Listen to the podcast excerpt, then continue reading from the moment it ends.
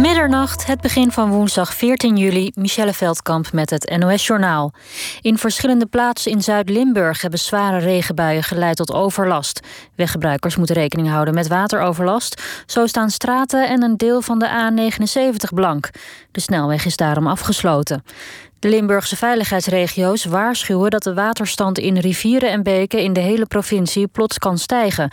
Het KNMI verwacht de komende dagen tot 150 mm regen in Limburg en heeft daarom code oranje afgekondigd.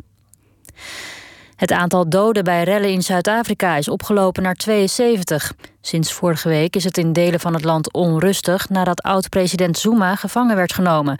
Hij zit een celstraf van 15 maanden uit omdat hij niet heeft meegewerkt aan een onderzoek naar corruptie in de tijd dat hij president was. In het land zijn massale plunderingen. De politie vuurde verdovingsgranaten en rubberen kogels af. 1200 mensen zijn opgepakt. Twintig wetenschappers roepen demissionair premier Rutte op om ventilatie serieuzer te nemen als maatregel tegen de verspreiding van corona. De wetenschappers vragen Rutte om bij persconferenties het handenwassen-icoontje op de lessenaar te vervangen door een goed ventileren-icoontje. Want volgens een van de wetenschappers heeft anderhalve meter afstand in binnenruimtes weinig zin zonder goede ventilatie. Het streefbedrag van 1 miljoen euro is opgehaald voor de zaak Tanja Groen. Het geld moet eventuele personen die nieuwe informatie hebben over de sinds 1993 verdwenen studenten over de streep trekken om naar buiten te treden. Peter de Vries richtte daarvoor speciaal een stichting op. Enkele uren na de extra uitzending van Tijd voor Max, die geheel in het teken stond van de verdwijningszaak, werd het streefbedrag van 1 miljoen gehaald. In het programma kwamen ook de kinderen van Peter R. de Vries nog aan het woord. Zij dankten iedereen voor de steun van de afgelopen week. Het weer, vooral in het oosten en in Limburg, kan het nog regenen. Elders is het bewolkt. Ook morgen in het zuidoosten en oosten veel regen, lokaal met onweer. Het wordt dan 19 tot 25 graden. Dit was het NOS Journaal. NPO Radio 1. VPRO. Nooit meer slapen.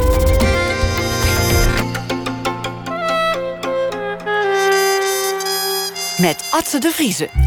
Goedenacht en welkom bij Nooit meer slapen. Stel je voor dat je op de Koninklijke Militaire Academie afstudeert je mag daarna op missie. Waar wil je dan liever heen? Naar Cyprus, waar de Turken en de Grieken ruzie met elkaar hebben, maar eigenlijk stiekem, als de NAVO-troepen niet op zitten te letten, ook achter je rug om gewoon spelletjes met elkaar spelen? Of voor het echte werk naar Kosovo, waar je moet zorgen dat mensen niet in een massagraf belanden? Dat laatste zou je zeggen, maar wat nou als dat iets triggert in je brein, dat ervoor zorgt dat je voor de rest van je leven voortdurend ontspoort? Daarover gaat de roman Zwarte Vogel van Niels Roelen, voormalig major in het leger. En zijn roman verhaalt vanuit het perspectief van de vriend en collega die zich afvraagt wat er overblijft van het kameraadschap als alles bij die ander misgaat. Niels Roelen ging zelf onder meer naar Oeruzgan, waar hij grote stappen zette in de krijgshierarchie en binnen acht jaar tot major schopte. Dat kan eigenlijk helemaal niet, maar hij deed het wel. En inmiddels is hij weg uit het leger en durft hij zichzelf officieel schrijver te noemen. Hij schreef uh, stukken in het NRC en de Militaire Courant. En er volgde een boek over de missie in Afghanistan. En nu dus deze roman. Welkom, Niels. Leuk Goeie, dat je er bent. Goedenavond, fijn om hier te zijn. Ja, Cyprus. Ja, Cyprus. hoe, hoe is het om als militair, als jonge militair met ambitie in Cyprus te zitten? Op Cyprus moet ik zeggen. Op, op Cyprus, ja. ja. Uh, tussen de uh, Turk-Cyprioten moet je officieel zeggen en de Griek-Cyprioten. Precies. Ik heb, ik heb me daar kostelijk vermaakt. Laat ik het, laat daar ik kan het ik me iets bij voorstellen. Uh, zo zeggen. Uh, daar is een conflict gaande en ik heb heel sterk het idee dat het ook in stand gehouden wordt, zodat de VN daar blijft. Want de VN brengt gewoon heel veel geld in het laadje. Door de, door de inwoners van het eiland, die het eigenlijk wel best vinden dat die militairen ja, daar zitten. De, ja, je hebt die, die inwoners. Uh, kijk, de VN die rijdt daar in, uh, in jeeps van de, van de VN. Maar die jeeps die worden geleverd of onderhouden door een lokale dealer. En dat zijn er behoorlijk wat. Is dat zo? Ja, ja, toen ik daar zat in. Uh, Zo ordinair is het eigenlijk. In 1999, 2000. Ja. Uh, tijdens de millenniumwissel. Toen, toen, was dat het geval. He, er stond een ontzettend grote garage. Die, gaat, die zou gewoon failliet gaan, denk ik, op het moment dat de VN daar weggaat. Dus op een gegeven moment ben je een onderdeel geworden van die economie. En dan moet je dat ook, dat ook blijven. En ja, er waren constant een soort van plaagstootjes, uh, rare incidentjes.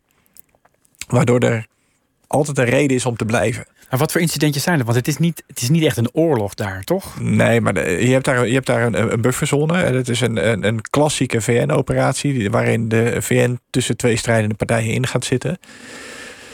En in die bufferzone mogen eh, geen militaire middelen zijn van de strijdende partijen. Eh, daar mogen, de bevolking mag daar niet inkomen. eh militairen mogen daar niet inkomen, anders dan VN-militairen. En je had dan bijvoorbeeld eh, standaard op zondag. eh, dan gingen de Griekse mannen die gingen jagen. En waar ga je jagen? Dat doe je op de enige plek waar het niet mag, in de bufferzone. Maar die, die mannen die hadden een beetje wat weg van, van Elmer Fudd uit de, eh, uit de Looney Tunes. eh. Ja. Eh, ja, dat was, was niet heel erg indrukwekkend, zullen zullen we maar zeggen. En er viel ook niet zoveel te jagen. Weet je, de, ze- ze schieten op kwartels. Maar als je met hagel op een kwartel schiet, dan hou je er weinig voedsel aan over, kan ik je vertellen. En, maar die mensen moest je dus in feite daar dan weer verjagen. Ja, Dat was je taak eigenlijk. dat was de taak. En die, kijk, het is daar net als in Oerskan een relatief droog gebied. Dus als je met zo'n jeep aankomt rijden, dan heb je onwijs stofontwikkeling. Dus die jagers zie je van heinde ver aankomen. Heb je een paar plekken in die bufferzone, dan heb je van die oasetjes. Er er is een watertje met wat riet en wat begroeiing. En dan, dan verstopt ze zich snel in die, eh, in die oases. Maar ze hadden ook heel vaak eh, jachthonden bij, meerdere. Echt een beetje zo'n roedel. En die hadden geen flauw idee waar een baasje een beetje stom in zo'n bosje ging zitten. Dus dan zag je al die honden rondom dat oasetje rennen en blaffen. En dan je, nou, daar, eigenlijk daar, daar zit hij, weet je. Dus, eh, en, dan, en dan kwam je daar en dan keek ze je echt zo aan van... hoe heb je mij dan gevonden? Nou, wat denk je?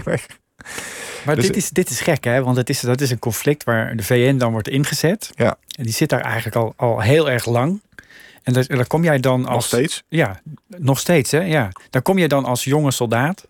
Wat ben je dan, officier? Ik, ik was luitenant, ja. Luitenant. Ja. Da- dan heb je toch ook al wel een beetje ambitie getoond. En dan kom je daar en dan, en dan, dan zit je daar. Hoe, hoe, dat lijkt me ook een, een leuke tijd eigenlijk. Terwijl, ik kan me voorstellen als je in een ander gebied terechtkomt... dat het helemaal niet per se zo leuk is. Nee, ja, wij hadden ook een ontzettend eh, leuke tijd. Ik heb wel geprobeerd mijn werk zo serieus mogelijk te nemen. Voor zover de Griek-Cyprioten en de Turk-Cyprioten dat dan toelieten. Eh, maar het was een, een eenvoudige en relatief ongevaarlijke missie. Het enige wat daar gevaarlijk was, is dat met name die, eh, die Griekse Cyprioten, die konden niet met een wapen omgaan. Dus als je die Griekse militairen daar had, eh, ja, daar ging nog wel eens per ongeluk een schot af. En die liepen wel te wijzen met een wapen naar je, terwijl ze niet altijd het wapen op. Dus het gevaarlijkste was dat iemand je gewoon per ongeluk eh, eh, eh, ja, voor je donder zou schieten. Is, is dit nou een voorbeeld van wat jij wel eens omschreven hebt als het, het, het zoeken naar nieuwe vijanden? Want dat, dat heb je wel eens gezegd dat, dat de, de krijgsmacht, ook de Nederlandse Ja. krijgsmacht, maar eigenlijk de hele westerse krijgsmacht na de val van de muur toch eigenlijk wel voortdurend op zoek moet naar nieuwe conflicten, omdat anders het leger niet zoveel zin heeft. niet zoveel zin heeft. Nou, dat, eh, dat, is een, eh, dat is een heel oud stuk, dus heb je goed research gedaan. Eh, dit ging inderdaad over de, de val van de muur. En we hadden voor de, voor de val van de muur hadden we natuurlijk een, een, een balans. Hè. Je had aan de ene kant het, het Warschau-pact en aan de andere kant had je de NAVO. En dat was met elkaar in balans. En met het instorten van die muur slaat die balans in één keer door. En wat, wat moet je dan? En eh, ik denk niet zozeer dat legers op zoek zijn. Eh, legers zoeken sowieso niet naar nieuwe vijanden, dat doet de politiek. Maar die zoeken, zochten als het ware een soort van nieuwe zingeving, maar vooral naar een nieuwe balans. Eh, De, de, de, de wereldorde moest eigenlijk weer her- hersteld worden. En daar heb je ook een vijand voor nodig, blijkbaar. Maar de, Cyprus viel daar denk ik gewoon niet onder. Want Cyprus liep al vanaf, als ik het goed zeg, vanaf 1965 dat daar VN-troepen zitten. Dus dat liep al lang, lang daarvoor. En dat is, eh, ja, dat is een traditioneel conflict over van wie is dit stukje land? Hè, van wie is de Krim? Dat is, eh, is dezelfde vraag. En de, de, de Turken zeggen Cyprus is eh, Turks, want het ligt maar 70 kilometer van onze kust vandaan en 700 kilometer van de Griekse kust vandaan. En de, eh, en de Grieken zeggen het is van ons, want wij wonen er al het langst. Met wat voor idee of wat voor ambitie meldde jij je een paar jaar daarvoor aan voor die, voor die militaire academie? Oeh, ik weet niet of ik. eh, ik- was nog dienstplichtig opgekomen. Dan was je Ik een had- van de laatste Ik was eh, ja, een van de laatste der Mohikanen in eh, lichting 93-4, zoals dat dan eh, heette. Op de Bernhard Kazerne in Amersfoort. Ik weet nog dat ik heel blij was dat het voor mij allemaal niet meer hoefde. Was jij blij dat je nog wel mocht? Of zat je Nee, nee, ik was, kwam... nee, ik zag het eigenlijk helemaal niet zitten. Ik had mijn VWO gedaan. En ik wist niet wat ik wilde gaan studeren. Ik denk, laat ik eerst maar een jaartje gaan werken. En toen werd ik ineens opgeroepen als eh dienstplichtige. En toen dacht ik, oh, dit was eigenlijk niet de bedoeling. Maar ik heb daar een super tijd... Ik ben, ik ben ook iemand die... Ik, ik moet daar dan heen en dan kun je twee dingen doen. Dan kun je denken van, eh, eh, shit, wat ga ik daar doen? En, en een beetje bij de pakken neerzitten en, en eigenlijk verzetten. Maar dan ben je negen maanden lang ben je ergens tegen aan het verzetten. En dat kost heel veel energie. En dat levert je niks op. En toen denk ik van, nou weet je, als ik dan toch moet... laat ik er dan maar volgen voor gaan. En toen heb ik ook gezegd dat ik wel naar Zeedorf wilde. En daar ben ik in een van een verkenningsteam terecht eh, gekomen. Wat ik is het voor plek, Zeedorf? Zeedorf, dat was een kazerne in, de, in Duitsland. eh, tussen Bremen en Hamburg eh, in. En die dienstplichtigen die zaten in, in 1993... mochten die iedere avond al naar huis. Vroeger zat je verplicht op de kazerne. Maar in Zeedorf kon je niet naar huis. En daardoor ontstond er in die kazerne Zeedorf... ook echt tussen de dienstplichtigen een band. En daar zocht je eigenlijk ook wel naar. Toen je er eenmaal in zat, trok je dat wel. Ja, ja ik, ik, ik laat het ervan maken wat, wat er te maken eh, valt. En toen dacht ik, ik ben hier en buiten, wat ik heel erg fijn vind. Ik ben fysiek bezig, wat ik ook heel erg eh, eh, prettig vind. Je doet ook best wel spannende dingen. ik ken weinig jongens die, die niet af en toe eh, de behoefte hebben... Of, of verlangd hebben om een geweer vast te houden. En daar dan ook mee te schieten. Weet je, dat, eh, eh, ik werd bestuurder van een Leopard 2 tank. Toen hadden we nog tanks in de, in de krijgsmacht. Ja, dan heb je 1500 pk en eh, eh, 50.000 kilo staal heb je onder je kont zitten. Ja. Niemand die je tegenhoudt op de snelweg. Dus eh, ja, dat, dat was wel mooi. En toen dacht Toch een soort machtig gevoel eigenlijk. ja, ja, het, het een, ja, gewoon gaaf ook gewoon. En toen dacht ik van ja, waarom ga ik eigenlijk niet naar de KMA? Eh, ik had ook ontdekt dat er zijn best heel veel dingen in dienst waarvan verwacht wordt dat je echt heel goed over nadenkt. Over het plan wat je maakt. eh, of dat nou is van de- vijand ontlopen of eh, de vijand eh, misleiden en, en slimmer zijn dan, dan de vijand. Het strategische ste- steekspel. Ja, dat, trok- dat trok mij enorm. Dat, denken, dat denkwerk erachter. Ja, dat strategische denkwerk, ja. Want je komt dan op zo'n koninklijke academie, militaire academie. En dat, je, je schrijft, dat, dat boek wat je geschreven hebt, gaat eigenlijk over drie decennia eh, verhalen. En, en banden tussen die twee mannen die je Ja. omschrijft. Hè? Die Olaf en Immo, twee mannen die elkaar hebben leren kennen in die tijd dat je opgeleid wordt tot militair. En die elkaar Ja. altijd zijn blijven volgen.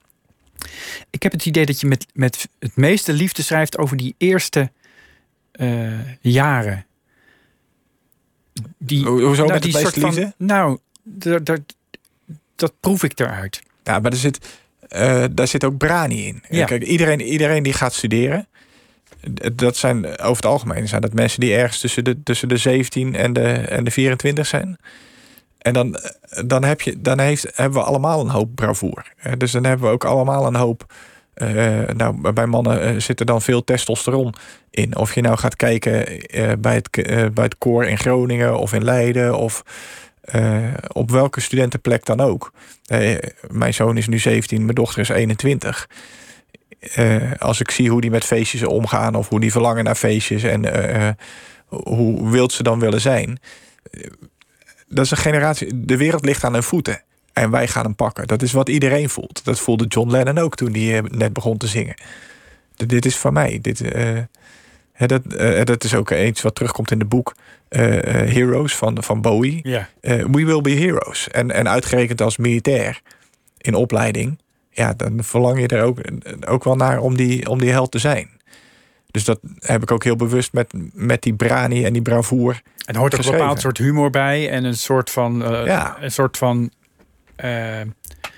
drang die je alleen hebt als je zo jong bent. Er zit ook iets, iets dubbels in, heb ik het idee. Dat je moet aan de ene kant wil je dat die brani hebben en je wil zelf de held zijn. En tegelijkertijd word je heel erg gedisciplineerd. Je moet, Ja. in, je moet gaan voldoen aan de hiërarchie van het leger en aan de, de, de missie die boven je staat. Was dat, is dat lastig? Als je juist zo jong en branivol bent? Nou, dat weet ik niet. Ik, eh, ik denk namelijk dat die discipline... eh, die geeft heel veel duidelijkheid en die geeft heel veel richting. Eh, en die, eh, juist die discipline is ook een, een opstap naar meer. Hè? Dus dat wordt gewaardeerd in het, in het leger, die discipline.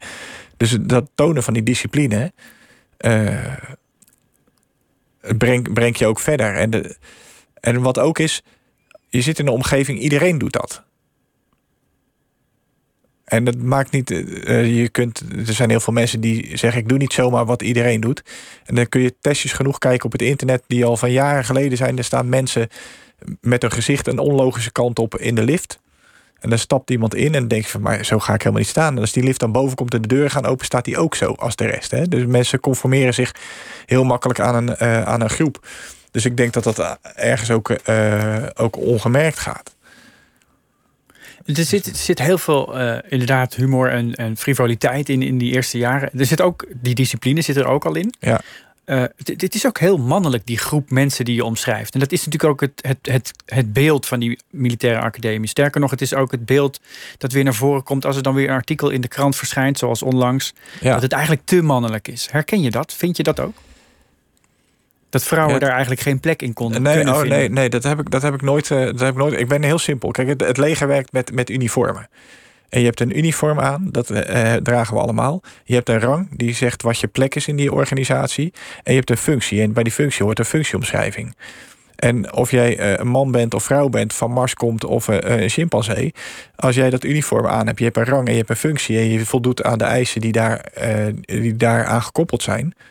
dan is het voor mij oké. Maar dat is in de ideale situatie, toch? Als in, Ja. in de praktijk werkt het anders. Net zoals dat die discipline aan de ene kant er is... en aan de andere kant die, die, die testosteron rondgiert bij jongens die op missie zijn ergens. Ja, maar, de- maar, de- eh, maar dat gaat de- misschien wel over iets anders. Hè? Dus, eh, ehm, kijk, er is een bepaald type humor en die, die is eh, relatief bot binnen Defensie. Of direct is denk ik het betere woord.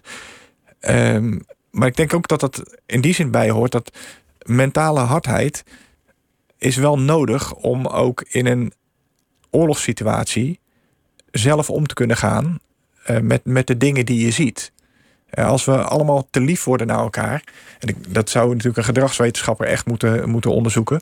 Maar als je heel lief en eh, met elkaar omgaat. en heel voorzichtig met elkaar omgaat.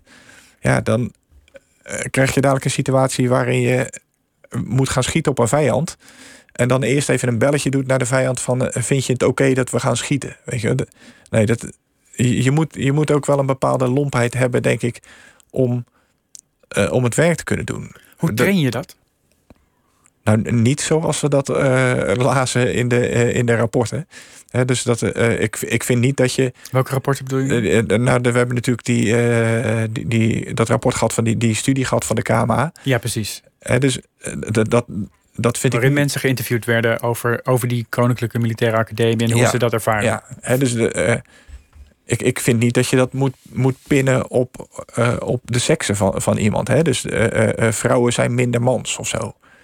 Ik, ik denk dat je dat moet trainen door eh, mensen. Je kunt mensen fysiek een heel eind brengen. En dan kun je, eh, als ze medelijden met zichzelf beginnen te krijgen, kun je ze trainen om dat aan de kant te schuiven. Maar je moet nog 100 meter. Of, eh, nou, er zitten situaties, dan zijn ze bij het korps commandotroepen in, dat boek. Ja, tijd niet gehaald is opnieuw. En of je je nou zielig voelt of niet, daar heeft niemand een boodschap aan. En stap daar zelf ook overheen. En dat, dat is, maar dat, dat, staat, dat staat ook los van, eh, wat mij betreft, seksen. Want er is gewoon een tijd die gehaald moet worden. Die geldt voor iedereen. Punt. Haal je hem, dan haal je hem. Dan eh, heb je het goed gedaan. Haal je hem niet, doe je het nog een keertje. Net zolang tot je hem wel haalt. Je schrijft dus een boek, je hebt een boek geschreven over eigenlijk over kameraadschap binnen deze context. Ja. Wanneer dacht je, hier zit een, een verhaal voor mij dat ik graag wil vertellen? Ja, dat gebeurde eigenlijk een beetje, een beetje per ongeluk. Ik, ik werd gevraagd om, eh, om een eh, synopsis te schrijven voor gewoon een veteranenverhaal. En ze hadden me gevraagd om dat in een bepaalde stijl te doen. En ik, ik heb een vriend met wie ik heel veel beleefd heb, die ook bipolair is. En daar schreef ik wel eens wat dingen op en daar heb ik mijn eigen verhaal van gemaakt. En toen dacht ik van, nou misschien is dit wel wat ze bedoelen met die, met die schrijfstaal. En dat stuurde ik mee. En toen duurde het heel lang voordat ik antwoord kreeg. En toen denk ik van, nou, het zal wel niet goed zijn. En toen kreeg ik een berichtje terug of ze alsjeblieft hier een verhaal van mochten maken. een groter verhaal. Een, een groter verhaal, ja. En toen zei ik, ja, dat, dat zie ik wel zitten. Ja. ja. In het leger zitten en bipolair zijn lijkt me een enorm gevaarlijke combinatie. Ja, maar dat is het, in de burgermaatschappij kan het dat ook zijn. Zeker. Dat, dat, dat hangt heel erg vanaf hoe, uh, hoe ernstig het is. Um, maar, maar soms weet je niet dat je, dat je het bent. Ja. Dus, dus bipolariteit. Uh, dat, ik heb begrepen dat dat aangeboren is. Dus het, het, zit in je vanaf het begin. En je moet het een beetje zien als je hebt een chip in je hoofd. Daar zit een virus op. Zolang er geen stroom over die chip gaat, is er niks aan de hand. Hmm. Op het moment dat er een keer stroom over die chip gegaan is, dan, uh, dan, dan, is, het, uh, dan is het mis. En in, in dit geval gebeurt dat met de hoofdpersoon uh, tijdens een missie. dat dat voor het eerst gebeurt en dan komt hij in zijn eerste psychose.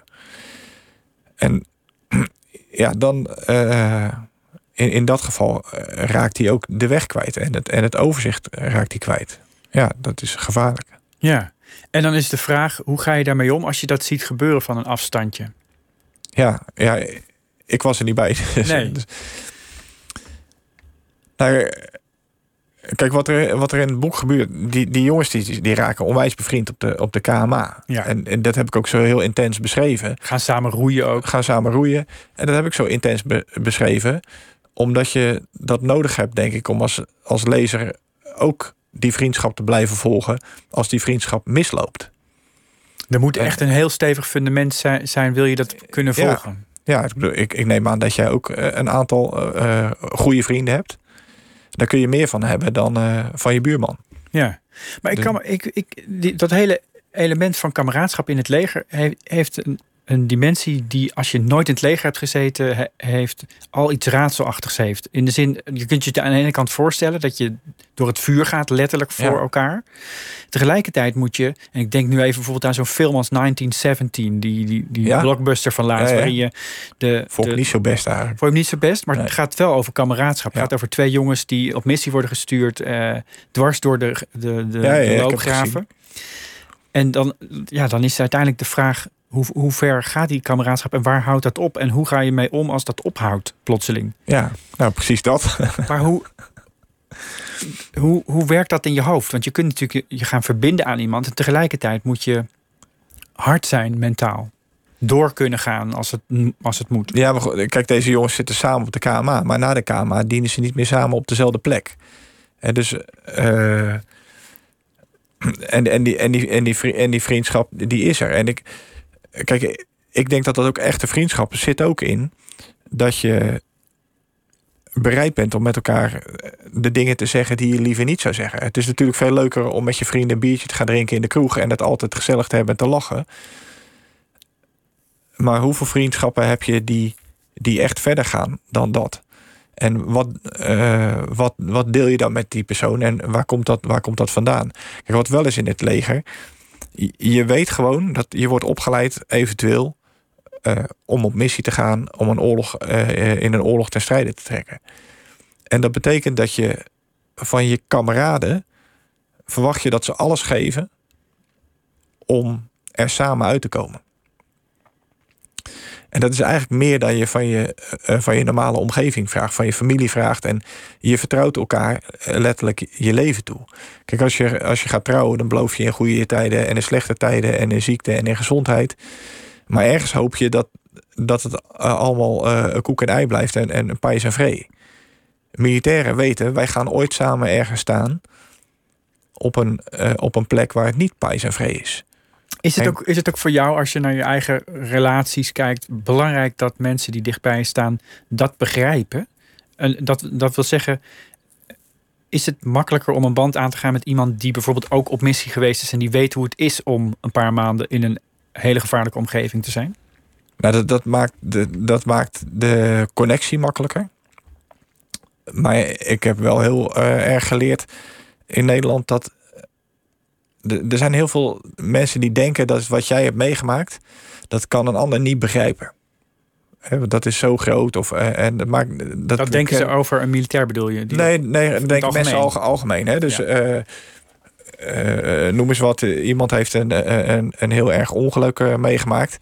Eh, eh, jij hebt een heel erg ongeluk gehad en ik niet. En ik zal niet begrijpen hoe jij dat ongeluk beleeft, want ik heb dat ongeluk niet beleefd. En dat is, dat is een absolute misvatting. Omdat mensen, die hebben namelijk heel veel in- inlevensvermogen. En die, die kunnen dat wel begrijpen. En als ik, ik heb eh, het geluk gehad dat ik eh, met theatergroepen eh, in contact ben geweest. Met Kees Geel heb ik wat dingen gedaan, acteur. Ja. En dan zie ik hoe die mensen naar je verhaal luisteren. En hoe die in zichzelf op zoek gaan naar dat gevoel wat hij beschrijft. Waar kreeg ik dat gevoel bij? Dus als je het hebt over pijn, verdriet eh, eh, of eh, geluk. Dat gevoel van geluk wat hij beschrijft. Dat had Kees Geel misschien toen hij aan het vissen was en, en, en zo'n karper ving. Dat klinkt heel absurd. Maar als hij zich dat inbeeldt, dan kan hij het gevoel wat ik hem geef, kan die spiegelen, kan die spelen. Dus mensen kunnen zich heel goed inleven in een ander. Dus ik denk niet dat het dingen zijn die exclusief zijn. Het is wel makkelijk als je dezelfde taal spreekt, wat militairen natuurlijk heel erg sterk doen, eh, met jargon, maar ook met ervaringen. Of je nou gaat kijken in een missie. Nou, neem eh Remarque, die eh Am Westen schreef. Ja. Als je kijkt wat soldaten daar beleven, dan zie je nog steeds parallellen met een oorlog van nu. En dan zie je nog steeds dat heel veel soldaten op pad gaan, omdat ze geloven in een, in een politieke boodschap die verkondigd is. En al heel snel wordt het heel klein. En kijken ze, wij zitten hier met elkaar, wij kameraden. En is hun missie geworden samen thuiskomen. Herkende je dat? Ja, dat herken ik wel. Ja. En meer van die missie in Oeruzkan dan in Cyprus? Ja. Want Cyprus is eigenlijk toch een soort van... Ja, bijna nog een, een schooluitje om de, om de academie af te sluiten. En dan, dan ga je op een gegeven moment naar zo'n echte missie toe. Toch? Ja. Of doe ik nu te lullig over dat, Nee, nee, ja. conflict? Ja, je schrijft er natuurlijk ook zo over. Dus ik heb het eigenlijk van jou. Ja, ja, nou dan kun je lekker mij de schuld geven. Dat Precies. is mooi. Ik weet je. niks van Cyprus, van het conflict daar. Dus, nee, nee, heel maar veel je- mensen je- zien het als vakantieland ook. Precies. Je, je, bent, je bent naar Afghanistan gegaan. Ja. Je, je omschrijft eigenlijk dat van een bepaalde missie, eigenlijk van een serieuze missie, waar je, waar je echt te maken krijgt met oorlogssituatie, dat je niet terugkomt zoals je vertrokken bent. Nee. Herken je dat bij jezelf ook? Ja, dat herken ik zeker wel bij, zelf, bij mezelf. Ja. Wat verandert er dan? En hoe komt dat? Bij jou? Nee, ehm, kijk, wat, er- wat er gebeurt is, in dit geval gingen we naar, eh naar. En eh, als je dan daar in, in Oeruzkan zit, dan kom je in een hele andere maatschappij van mensen die heel anders denken en doen, voor wie eh, heel andere dingen belangrijk zijn dan, dan voor ons. En voor wie heel andere dingen logisch zijn. En ik begreep die maatschappij eigenlijk niet. Dus je gaat daar proberen een maatschappij te veranderen. Hoe kun je iets veranderen wat je niet begrijpt? Maar hoe, wat, wat Dus- voor rol heb je dan om dingen te veranderen? Want je, je zit natuurlijk in een panzerwagen en je gaat op patrouille, stel ik me zo voor. In hoeverre heb je dan een mogelijkheid om zo'n land of zo'n maatschappij te leren kennen? Nou, die panzerwagen is alleen maar een verplaatsingsmiddel. En, eh, en is ook iets van waaruit als er gevochten wordt, eh, gevochten kunt worden. Dus het is een, een beschermende jas, als het, eh, als het ware, oneerbiedig gezegd. Maar er zijn heel veel plekken waar je, waar je uitstapt en waar je contact maakt met, met de lokale bevolking. En praat met de lokale bevolking. Maar dan merk je al vrij snel dat wat wij belangrijk vinden, vinden zij daar totaal niet belangrijk. En als wij denken, nou, eh, er kwamen de politici en die willen graag weten hoeveel scholen er gebouwd zijn en wat de vooruitgang is en, en noem allemaal op. Maar dan bouw je een school en wie gaat er lesgeven als eh, 80% van Oerskan analfabeet is? Wie is dan je docent? Weet je, wat De- gebeurt De er? enige die kan lezen. Ja, de enige die kan lezen. Maar, maar wat, wat gebeurt er nog meer? Als wij gaan zeggen van nou, weet je, bij ons zitten kinderen van half negen tot, eh, tot drie op school. En dat zouden ze hier ook moeten doen.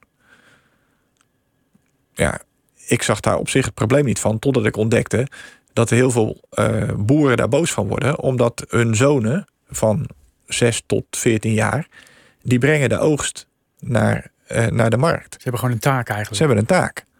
Ze, hun school is learning by doing, is, is zijn praktijklessen. Eh, en die leren een vak van, van hun vader. En op het moment dat je ze naar school gaat sturen, omdat wij dat willen, dan ontwricht je eh, een maatschappij. Sterker nog, haal je een essentieel stukje uit die maatschappij ertussenuit, waardoor, waardoor eigenlijk de lopende band stil komt te staan, als het ware. Dat Dus- klinkt dus- wel als een heel fundamenteel iets. Want je wordt naartoe gestuurd. Het, heet dan officieel een vredesmissie. Ja. Maar dat is het. Ja, wat- is, nou, wat is nou eigenlijk een vredesmissie? Het is gewoon eigenlijk. eh, Die, die, die inval in, in Afghanistan is natuurlijk gewoon een reactie geweest Ja. op een oorlogsdaad. Toch? Ja, ja maar. ehm, nou ja, kijk, weet je, voordat je een missie begint in een, in een ander land, doe je er misschien goed aan om, om echt te begrijpen wat is er nou aan de hand, wat is hier het, het probleem. Hè, is het probleem de, de Taliban, wat eh, veel gedacht werd, of is de vraag waarom is die Taliban er überhaupt? En eh, ben jij anders, toen je eenmaal daar zat, anders naar dat conflict gaan kijken dan toen je thuis dat volgde? Want iedereen volgde dat natuurlijk. Ja, kijk. Ik, ik denk dat wij allemaal gedacht hebben dat er een, eh, een 9- 9-11, hè, eh, 11 september. Daar, dat was een behoorlijk statement, vonden wij eh, in het Westen. En, en, daar, daar moesten we wat mee. En dat, dat is denk ik ook logisch. Maar als je daar komt, merk je dat, dat dingen heel erg anders zitten. En dat begrijpen. eh, dat, dat, is de, dat is het begin van een oplossing kunnen, kunnen vinden. Lukt je dat niet, ja, dan, dan ben je daar, dan ben je aan, het- aan, het, aan het dweilen met de kraan open. En, en dat is misschien ook wel een beetje wat je nu ziet. De Amerikanen zijn eigenlijk met staart tussen de benen aan het vertrekken daar. Toch?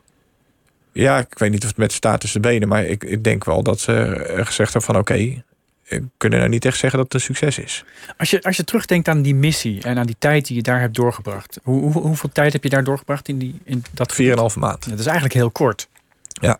Maar wel een, een, een 4,5 maand die eh, Je leven. je leven veranderen. Ja. Welk beeld komt het eerste in je op als je aan die missie terugdenkt? Wat zie je? Eh, ik, ik denk vooral de, eh, de- zeg maar hoe het land eruit ziet met, met de mensen erin. Ja? Ja. Schets het eens voor me. Ja, het, heeft, eh, het is een beetje woestijnachtig, maar dan met een, met een het zand heeft een roze gloed, het ruikt zoet. Ehm, de mensen zijn daar heel kleurrijk. Ehm, en wat mij vooral heel erg op. Het lijkt alsof die mensen heel erg mooie kleren aan hebben van een afstandje. En als je dichtbij komt, zie je hoe armoedig het eigenlijk is. Dat er gaten erin zitten en eh, ze hebben twee verschillende slippers aan. En en ik zou dat heel vervelend vinden. En toch zijn die mensen daar ni- niet ongelukkig van. Weet je, dit is, dit, is hun, dit is hun leven. Die hebben veel meer acceptatie van hun situatie dan dat die is. En dat is ook wel een van de dingen waarmee ik terugkwam. Eh, ik vind dat er hier vrij weinig mensen zijn die situaties kunnen accepteren zoals ze zijn. En dat, ik denk dat zo'n. Wat ik daar geleerd heb, helpt mij makkelijker door zo'n lockdownperiode heen dan de gemiddelde Nederlander, denk ik.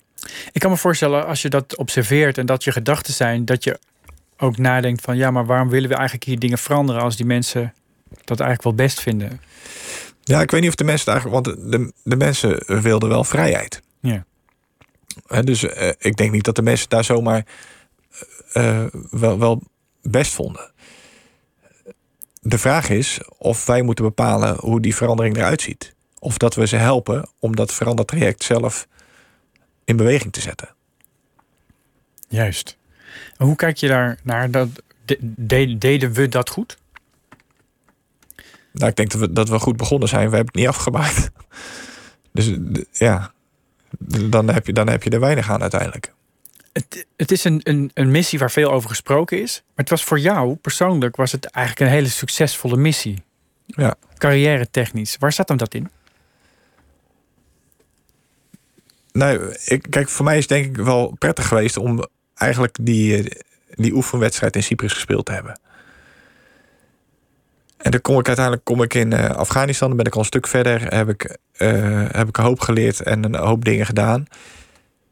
en ik, ik, even kijken, ik zat daar in 2007, dus ik, was, ik ben daar 34 ben ik daar geworden. En dan heb je ook al een beetje eh, ervaring. En wat ik al zei, ik hou heel erg van strategisch denken. En ik ben heel erg van vragen stellen: waarom gebeurt dit? Waarom gebeurt dat? En, en niet een mening daarover vormen, maar analyseren en daar op basis daarvan tot, tot conclusies komen. En dat leidde met name in Afghanistan tot, eh, nou, tot een aantal dingen die heel erg goed liepen. Eh, ja, waar, eh, van- wat ik daar deed. En ik ben daar ook echt begonnen met schrijven. Ik hield daar voor Defensie hield ik daar een weblog bij. En die, die weblogs die werden onwijs goed gelezen. Ook door, door de media, door de pers. Werden die, werden die echt gevolgd. En dat gaf de mensen hier een inzicht in wat daar gebeurde. Kon je daar open in zijn? Want je, in feite was heel veel wat, je daar, wat daar gebeurd is, neem ik aan, ook geheim. Ja, maar je kunt, je kunt altijd alles opschrijven wat iedereen gezien heeft dat er gebeurd is. Toch? Ja. Het is een beetje raar om geheimzinnig te doen eh, over iets wat iedereen gezien heeft. Ja, maar het is natuurlijk ook zo ver weg dat, dat je vanaf hier ook niet zomaar kunt zien wat er gebeurt, toch? Nee, maar, maar kijk, als je schrijft over eh, wat wij daar doen. En ik, eh, ik schreef over de, de, het optreden van de pelotons, van de dingen die, die we beleefden, van de dingen die, die je ziet gebeuren. Eh, en heel vaak ook gewoon de, de, menselijkheid der dingen. hè. Dus het contact wat je met iemand hebt. En iets, maar, maar ook je, je eigen onwetendheid. Hè? Dat je op een gegeven moment eh, schrijf ik ergens iets. Dan zit ik met een man te praten. Probeer ik eh, met een kaartje met wat Afghaanse woordjes fonetisch opgeschreven. contact te maken met die bevolking. Ik ben daar net. En in Afghanistan zitten heel veel mensen zitten op hun, op hun hurken. Dat is heel normaal. En dan hebben ze zo'n jalebba aan. En die zit dan een beetje zo om je heen. En die man die zat de hele tijd een beetje te ontwijken. En ik denk, eh, doet hij raar? Zeg ik iets verkeerd? Is de uitspraak verkeerd? Of weet ik wat. Ja. En, en ik merk gewoon dat er irritatie is. Dus ik denk op een gegeven moment, eh, nou laat maar. Dus ik, ik laat die, die man en ik eh, loop eh, weer terug naar, naar... Ja, we stonden daar met, met meerdere mensen even stil. contact met de bevolking. En die man die staat op. En blijkbaar zat ik op, op de plek waar die mensen poepen. En die man die had even lekker zitten poepen. En die vond het, eh, eh, dat vind ik ook heel erg vervelend. Als iemand tegen mij aan begint te praten als ik op het toilet zit. Weet je, en dan. Dat is natuurlijk een blunder van je, eh, van je welstand. Dat, Dat, dat geeft, kon je ook niet weten. Nee, dat kon, ik- dat kon ik ook niet weten. Maar misschien had ik het wel moeten weten. Vier maanden lijkt, lijkt me zo kort als je inderdaad moet communiceren met mensen in een taal die je niet kent. Ja, Hoe, hoe, hoe, hoe moet je dat dan aanpakken? ja je, je neemt iets over van je voorgangers. Dus je, zet iets voort wat iemand anders in, gang is gezet. Dus je vraagt ook, je bent al voordat je weggaat, ben je bezig met je voorgangers.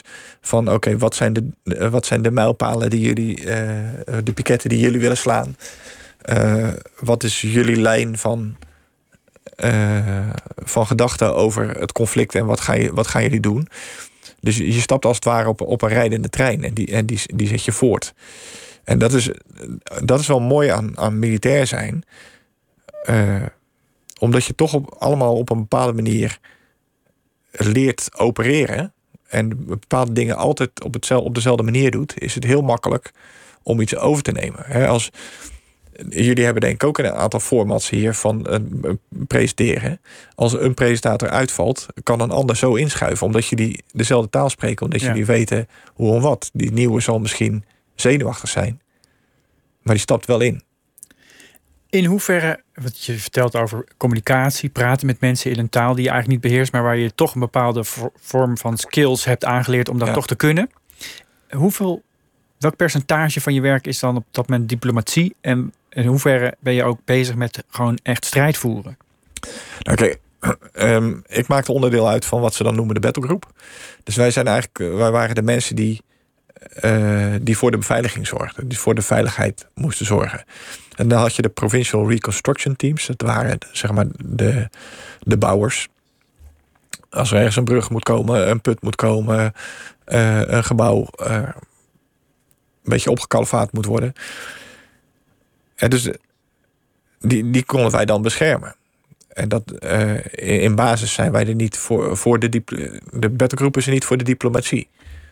De battlegroep is voor de harde hand als die, de, als die nodig is. Alleen die kans voor die diplomatie moet je niet laten liggen. En je moet ook heel goed bewust zijn.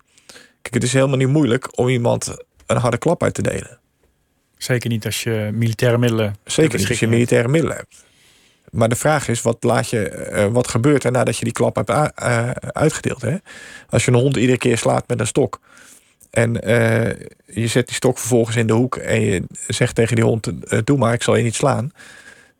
ik denk niet dat zolang die hond die stok ziet staan en dan die battlegroep is dan de stok, dat mensen dan dat, dat hij dan denkt: van het is hier veilig voor mij. Ja. dat, dus je moet heel goed nadenken. Eh, de kunst is niet om het geweld te gebruiken. De kunst is om het geweld alleen te gebruiken als je geen andere keuze hebt. Voor wie net inschakelt, Niels Roelen is hier. Hij schreef een roman over zijn, eh, ja, eigenlijk over kameraadschap op de Koninklijke Militaire Academie en wat volgt in de jaren daarna. Hij schreef ook daarin over een missie die hij zelf min of meer meemaakte in, op Cyprus. Een soort van bonusmissie die een soort voorprogramma werd voor het echte werk in Oeruzkan. Uh, een serieus conflict natuurlijk, uh, waar we allemaal van weten. En hoe kom je dan vervolgens terug, Niels? Je, je zit daar 4,5 maand. Hoe, hoe land je dan weer in Nederland? Ja, dat is wel. Uh, er zijn allerlei dingen die, die gebeuren langzaam aan. En die missie in, in Oeruzkan, dat is er toch een missie waar. er gaat behoorlijk wat adrenaline door, je, door je luis. En adrenalines, endorfines. En ik, ik denk zelf, heb ik wel eens gezegd ongemerkt raak je verslaafd aan die, aan die endorfines. Dus je komt thuis en dan los van dat ineens mijn kameraden met wie ik daar op die missie heb gezeten niet meer om me heen zijn. Dus ik voel me eigenlijk ook eens. Ik ben thuis bij mijn familie, dat voelt heel fijn. Maar ik mis mijn kameraden. Ik mis een stukje veiligheid. Miste je die eigenlijk harder dan je blij was dat je weer bij je gezin was? Nee, want het gaat veel meer over, over veiligheid. Over Kijk, ik was niet meer gewend aan dat mensen. Ehm, ik kwam. Met mijn kinderen ging ik naar de McDonald's. Had ik beloofd, als ik thuis ben, dan gaan we uh, naar de McDonald's. En dat was op een moment dat het ook heel erg druk was. En er staan er mensen in de rij en die staan tegen je aan te duwen de anderhalve meter maatschappij die kende ik in, in Oerskallen. Dus er kwam niemand zomaar binnen, mij binnen straal van. Tenzij ik dat, dat, dat toestond. Gewoon echt een fysieke ervaring als je in een winkel of in een restaurant dus staat. Dat, dat je denkt, wat staat iedereen dichtbij? Iedereen dichtbij. En, en dan denk je van ja, maar als het hier nu misgaat, er is geen enkele reden waarom het mis zou gaan in, uh, in Nederland. Tenminste, uh, tot uh, vorige week woensdag was het geloof ik, hè, met Peter Erdevries. Maar de, kans dat hier rare dingen gebeuren, die is relatief klein. Maar je bent gewend geraakt aan dat je constant op je hoede moet zijn. En dat zet je niet zomaar uit. Dat, dat is niet een, een knopje wat je omzet. En, en dan gewoon weer. Nou, je bent nu weer in Nederland. Uh, andere wereld. En we gaan vrolijk verder alsof dat ander nooit gebeurd is. Dat, dat neem je mee. Maar ik miste ook, ook, miste ook die spanning. Weet je, je gaat op zoek naar, naar, naar spanning. En de een doet dat door te gaan. Uh, beestjumpen. Een ander die koopt een motor en die uh, gaat als een idioot uh, jakkert over de snelweg. Hoe deed jij het? Hoe deed ik het? Daar moeten we het echt over hebben. Ja. Ik, ik zocht aandacht bij andere vrouwen. Want dan hadden we afgesproken dat we dat niet doen. Juist. Ja. Dat, dat, dat geeft ook spanning. Ja je moest die, die thrill hebben van iets. Of het nou gokken is, of motorrijden, of andere vrouwen. Dat, dat, dat moest. Ja, ja ik, maar daar was ik me niet van bewust. Weet je. Dat is gewoon, uh, je lichaam zoekt daar gewoon naar. Je bent er echt verslaafd aan geraakt. Zonder dat je daarvan bewust bent. Je hebt niet een middel genomen om daar verslaafd aan te raken. Dat, dat gebeurt. Weet je, dat moet je een, ja, daar moet je ook weer achter komen. En dat moet je ook weer een plek geven, denk ik. Ja. Het, het, het, het lijkt me zo gek, want je, je schrijft ergens in die roman, die, die is heel erg gericht op het, eigenlijk het observeren van die vriendschap hè, en die, die, ander. En ergens aan het eind van die roman schrijf je iets over de ik-persoon zelf. En dat hij eigenlijk constateert dat, die, dat eigenlijk normale mensen op zoek zijn naar het normaal. En dat als je als militair terugkomt van een missie, als je dat eenmaal hebt meegemaakt, dat je eigenlijk beseft dat je juist naar het niet-normale blijft verlangen. Dat vond ik eigenlijk een kernpassage in je boek. Ja, wa- wa- want wat, eh, Nou, omdat het toch iets zegt over de mentale staat waarmee je terugkomt van zo'n missie. Althans, zo heb ik het ervaren. Zo heb ik het gelezen. Dat je eigenlijk Ja. daarna niet meer terug kunt naar het normaal. nee, maar dat, ik heb dat wel eens eh, heel simpel proberen uit te leggen. Eh, mijn oma die had vroeger zo'n vierkant doosje en er zat een hendeltje aan de zijkant, dat kon je aandraaien en dan ineens kwam er zo'n duveltje uit een doosje. Ja. En de eerste keer schrik je daar eh, van. En je schrikt er nog wel een paar keer van. Maar je schrikt nooit meer van wat in het doosje zit. Je schrikt alleen nog maar van het moment dat het eruit komt. En want je weet, er zit altijd datzelfde duveltje in dat doosje. Dat verandert niet. Dus op het moment dat je terugkomt van een missie en je hebt dingen beleefd, je hebt dingen meegemaakt, dan heb je een kant van de wereld gezien, een deel van de wereld gezien, eh, die veel mensen niet kennen. Maar je weet dat die er is. En je kunt niet meer doen alsof die er niet is. Dus je moet, je moet dat een plek geven. Je moet, je moet dat in jouw normaal, moet je accepteren dat dat, dat, dat er is. En dat is misschien niet normaal. Als je, als je dus zo'n zo'n virus op je chip hebt zitten ergens, dan kan er dus iets definitief kapot gaan. Ja. Dan kan er iets in gang gezet worden dat eigenlijk niet meer te stoppen is. Wat misschien in golfbewegingen gaat weliswaar, maar wat steeds weer terugkomt. Ook al wil je het misschien wel veranderen. In hoeverre is er bij jou iets veranderd in je hoofd waarvan je zou willen dat het nooit gebeurd was? Ja, ik, denk, ik denk dat ik alles behoorlijk een plek heb, heb kunnen geven. Eh, Dat is misschien makkelijker voor anderen om daar, om daar iets over eh, te zeggen.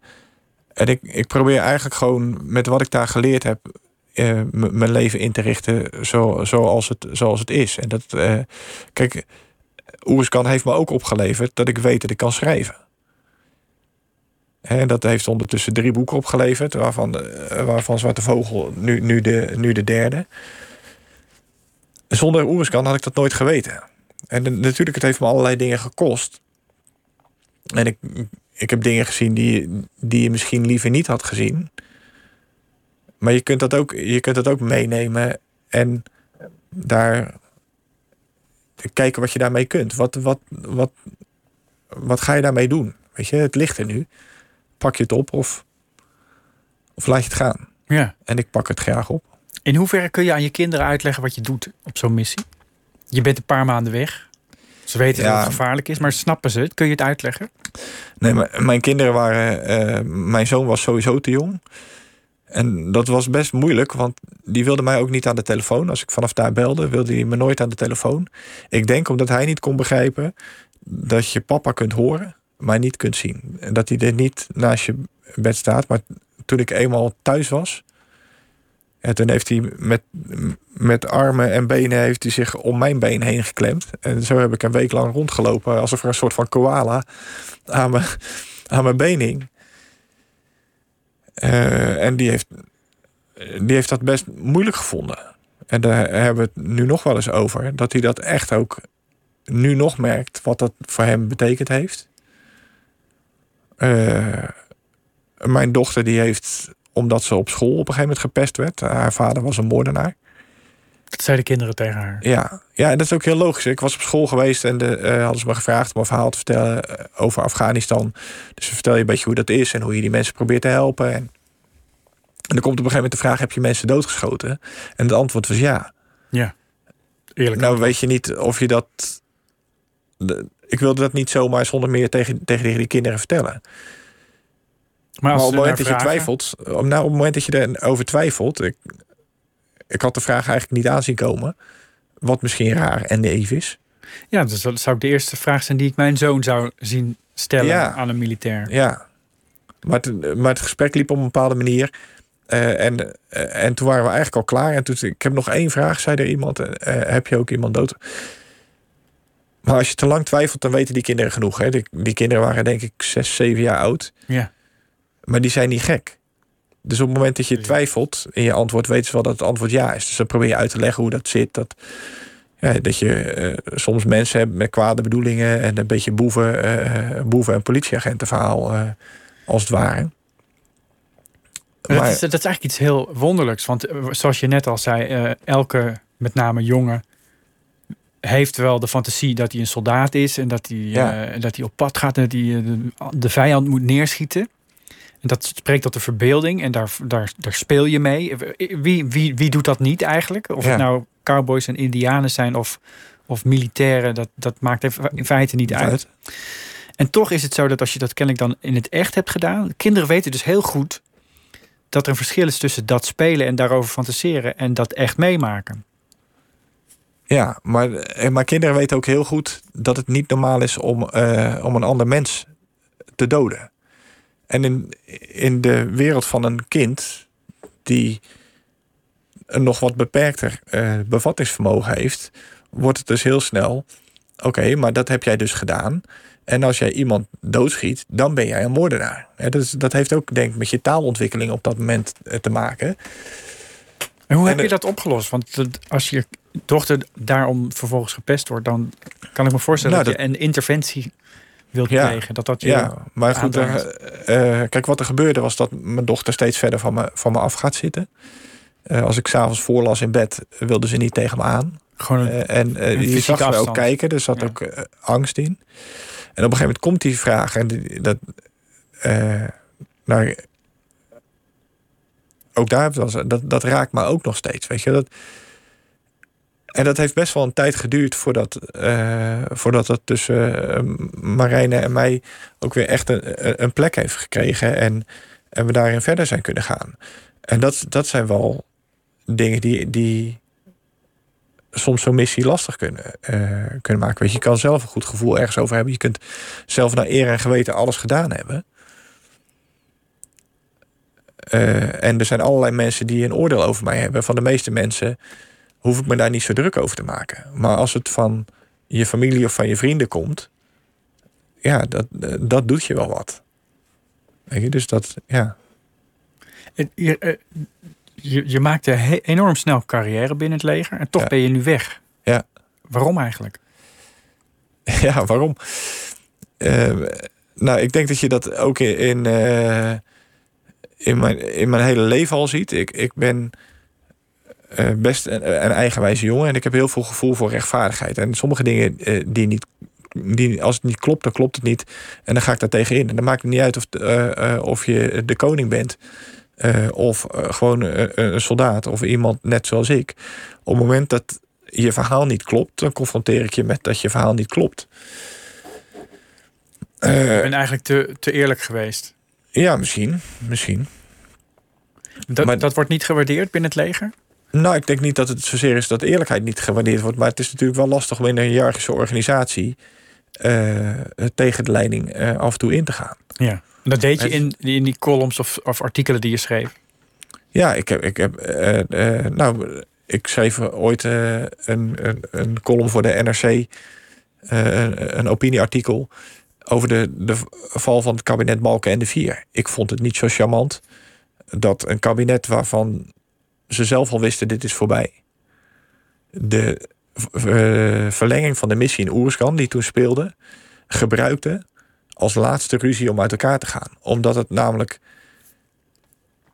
echt over de rug gaat van mensen die hun stinkende best doen om voor jou, de regering, hè, voor jou, het kabinet, daar de wereld een stukje te verbeteren. Dat is eigenlijk een, eh, een, een, een mening hebben over de politiek. Is, dat kan me voorstellen dat het misschien wat gevaarlijks is wat je kan doen als militair. dat, dat het eigenlijk not done is. Nou, dat wordt vaak gezegd dat het not done is. Hè, en dat komt ook een beetje vandaan. Je had eh, heel lang geleden had je een, eh, een, een Duitse eh, officier, von Clausewitz. En die zei: oorlog is de voortzetting van politiek met andere middelen. Dat wordt hier in Nederland heel vaak een beetje vertaald als dat het je taak is als militair om je politieke mening voor je te houden. Dat lijkt me niet. Weet je, dus de politiek, eh, heel simpel vertaald. eh, hè, we waren net toch al bij mijn oma met dat duveltje in dat doosje. Als, als mijn broer en mijn zus en ik, eh, of de neefjes eh, bij oma vervelend waren, dan kreeg je een paar keer een waarschuwing. En bij mijn oma kreeg je op een gegeven moment, als de waarschuwingen op waren, dan kreeg je gewoon een draai om je oren. Of een pak op je broek, heette dat ook wel. En dan zei mijn oma, wie niet horen wil, die moet maar voelen. Ja. De politiek is van de diplomatie. En die gaan proberen er met andere landen of met pa- partijen gaan die proberen eruit te komen. Op het moment dat dat echt niet meer lukt en het noodzakelijk is om in, toch in te grijpen, dan stuur je het leger. Die zijn van, als jij niet wil horen, dan gaan we je laten voelen. Ja, maar daar kun je toch niet Dus- een eigen politieke voorkeur op nahouden? Dan moet je toch uitvoeren wat er in Ja, binnen die moet- missie van je gevraagd wordt? Ja, zeker. Je moet uitvoeren wat er binnen die missie eh, van, van je gevraagd wordt. Maar dat staat toch vrij van een politieke mening hebben. Kijk, als jij niet achter een missie staat, echt, fundamenteel niet, principieel niet, dan moet je eh, eerlijk zijn en dan moet je je, je pak aan de wil hangen en dan moet je zeggen: Dit is niet voor mij, hier, hier kan ik niet in meegaan. Kan dat? Ja, zeker kan dat. Ja, waarom niet? Ja, weet ik niet. Ik ken is- die organisatie niet. Nee, het is, maar het is niet. eh, eh, het is niet een. Je bent niet verplicht om in het leger te blijven. Maar dat is dus in feite ook wat bij jou dan het gevolg is. Nou ja, ja. Maar goed, ik had een, ik had een, eh, een mening over een aantal zaken in de politiek. Eh, heel simpel. Je kunt niet eh, een leger hebben wat moet voldoen aan een aantal eisen. en ze een budget geven waarmee je daar van zijn never nooit niet aan kunt voldoen. Op het moment dat er problemen zijn met het materieel, met het onderhoud van het materieel, met de munitie. Als allemaal in de, in de krant heeft gestaan. Je kunt niet een leger eh, een oorlog insturen terwijl ze niet voldoende hebben kunnen trainen. Terwijl ze niet voldoende munitie hebben gehad om de oefeningen te schieten die je geschoten moet hebben voordat je op missie gaat. Dat kan niet. Dan breng je andere mensen in gevaar. En niet alleen de militairen zelf. Iemand die minder goed opgeleid is, zal eerder uit angst, omdat hij niet de beheersing heeft over, eh, of niet volledig vertrouwt op alles wat er gebeurt, zal eerder de trekker overhalen in een rare situatie dan iemand die heel erg veel vertrouwen heeft in wat hij doet. En dan ben je ineens schrijver. Ja. Dat is een heel eenzaam beroep vergeleken met eh, al Ja. die kameraden om je heen. Ja. Was dat schakelen? Ja, zeker. Ja. Is het ook een, iets wat hoort bij het achterlaten van het proces, waar je, van het traject waar je in zat, dat je gewoon iets radicaal anders bent gaan doen? In, in termen Nou. van wij denken en dan ineens op jezelf aangewezen zijn en in je eentje schrijver zijn? Kijk, eh, de, de, de stap voor mij, eh, op een gegeven moment zie je ook wel dat het te veel strijd is tussen eh, Niels Roelen en het leger om, om daar te kunnen blijven. Ja. En daar doe je niemand plezier mee. Het leger niet, eh, de politiek niet, eh, maar, maar mijzelf ook niet. Dus eh, ik zag ook wel dat, eh, dat ik wat anders moest gaan doen. En toen zijn we ook in onderling eh, overleg hebben we besloten dat ik, dat ik de dienst zou verlaten. En toen heb ik besloten, ik ga, ik ga schrijven. Ik heb ideeën. En daar ga ik mee aan, aan de slag. En dan kom je inderdaad van de een op de andere dag kom je in je eentje te zitten. Dan ben je van het ultieme wij. Ja, eh, echt hè? eh, in, het, eh, in het ultieme, nou, bij Defensie hebben we het, ben je lekker Remy, zeggen we dan, hè? alleen, op, alleen op de wereld. En dan mis je allerlei dingen. Gewoon even dat, dat praatje bij het koffieautomaat. de humor onder militairen. lekker. ja, bij, bij Defensie zeggen we wel eens een goede grap mag vrienden kosten. Gewoon dat lekker directe Een goede grap mag vrienden kosten. mag, mag vrienden kosten. Ik Ja, snap precies welke grappen je nu bedoelt dan. Ja. dat, nou, dat weet ik niet. Maar, maar, maar, maar dat, dat, dat mis je. En eh, ik heb daar ook echt. Ik heb er eerst aan toegegeven. En dat, ik, ik liep daar een beetje. Ja, ik, ik deed wel of ik schrijver ben, maar echt veel kwam er niet, niet op papier. En het, het grappige is dat het toch ook die discipline is. waarmee ik uiteindelijk heb gezegd: van. eh, je moet jezelf een schop onder je hol geven. eh, en bij elkaar pakken. En de lessen krijgsgevangenschap. Wat doe je als je in krijgsgevangenschap zit? Hè? Hoe, hoe, hoe doorsta je dat? Eh, die hebben mij geholpen om, eh, om gewoon te zeggen: oké, je gaat gewoon om zeven uur opstaan. Eh, om half acht zit je aan het ontbijt. Om acht uur ben je klaar met ontbijten. Om negen uur staat er een kop koffie, staat je laptop open en ga je beginnen. De lessen krijgsgevangenen. Dat leg eh, krijgsgevangenschap, ja. Ik vind het wel een mooie eh, ronde cirkel eigenlijk. Dat je Ja. gewoon nu een soort zelfverkozen krijgsgevangenschap Ja, te pakken hebt. ja. En dat daar dat, dat, dat, dat, dat de verhalen moet opleveren. Ik eh, hoop dat je er nog een hoop gaat schrijven. Ik kan me voorstellen dat het eh, leven in het leger nog een uit- onuitputtelijke bron van inspiratie biedt voor de komende boeken. In elk geval is dit boek er nu. Dankjewel Ja, dat je er was. Niels Roelen, Zwarte Vogel heet het boek. Het is inmiddels al uit. En dit was uh, Nooit meer slapen voor vanavond. Morgen dan spreekt uh, Wilfried de Jong met stedenbouwkundige Akkelies van Nek. Nooit meer slapen is ook als podcast te beluisteren via je favoriete podcast-app of de website. Straks op deze zender Miss Podcast.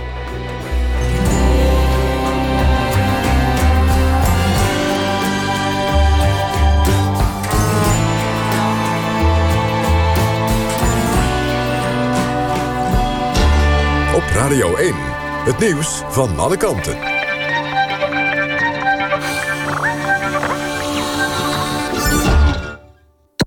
NPO Radio 1.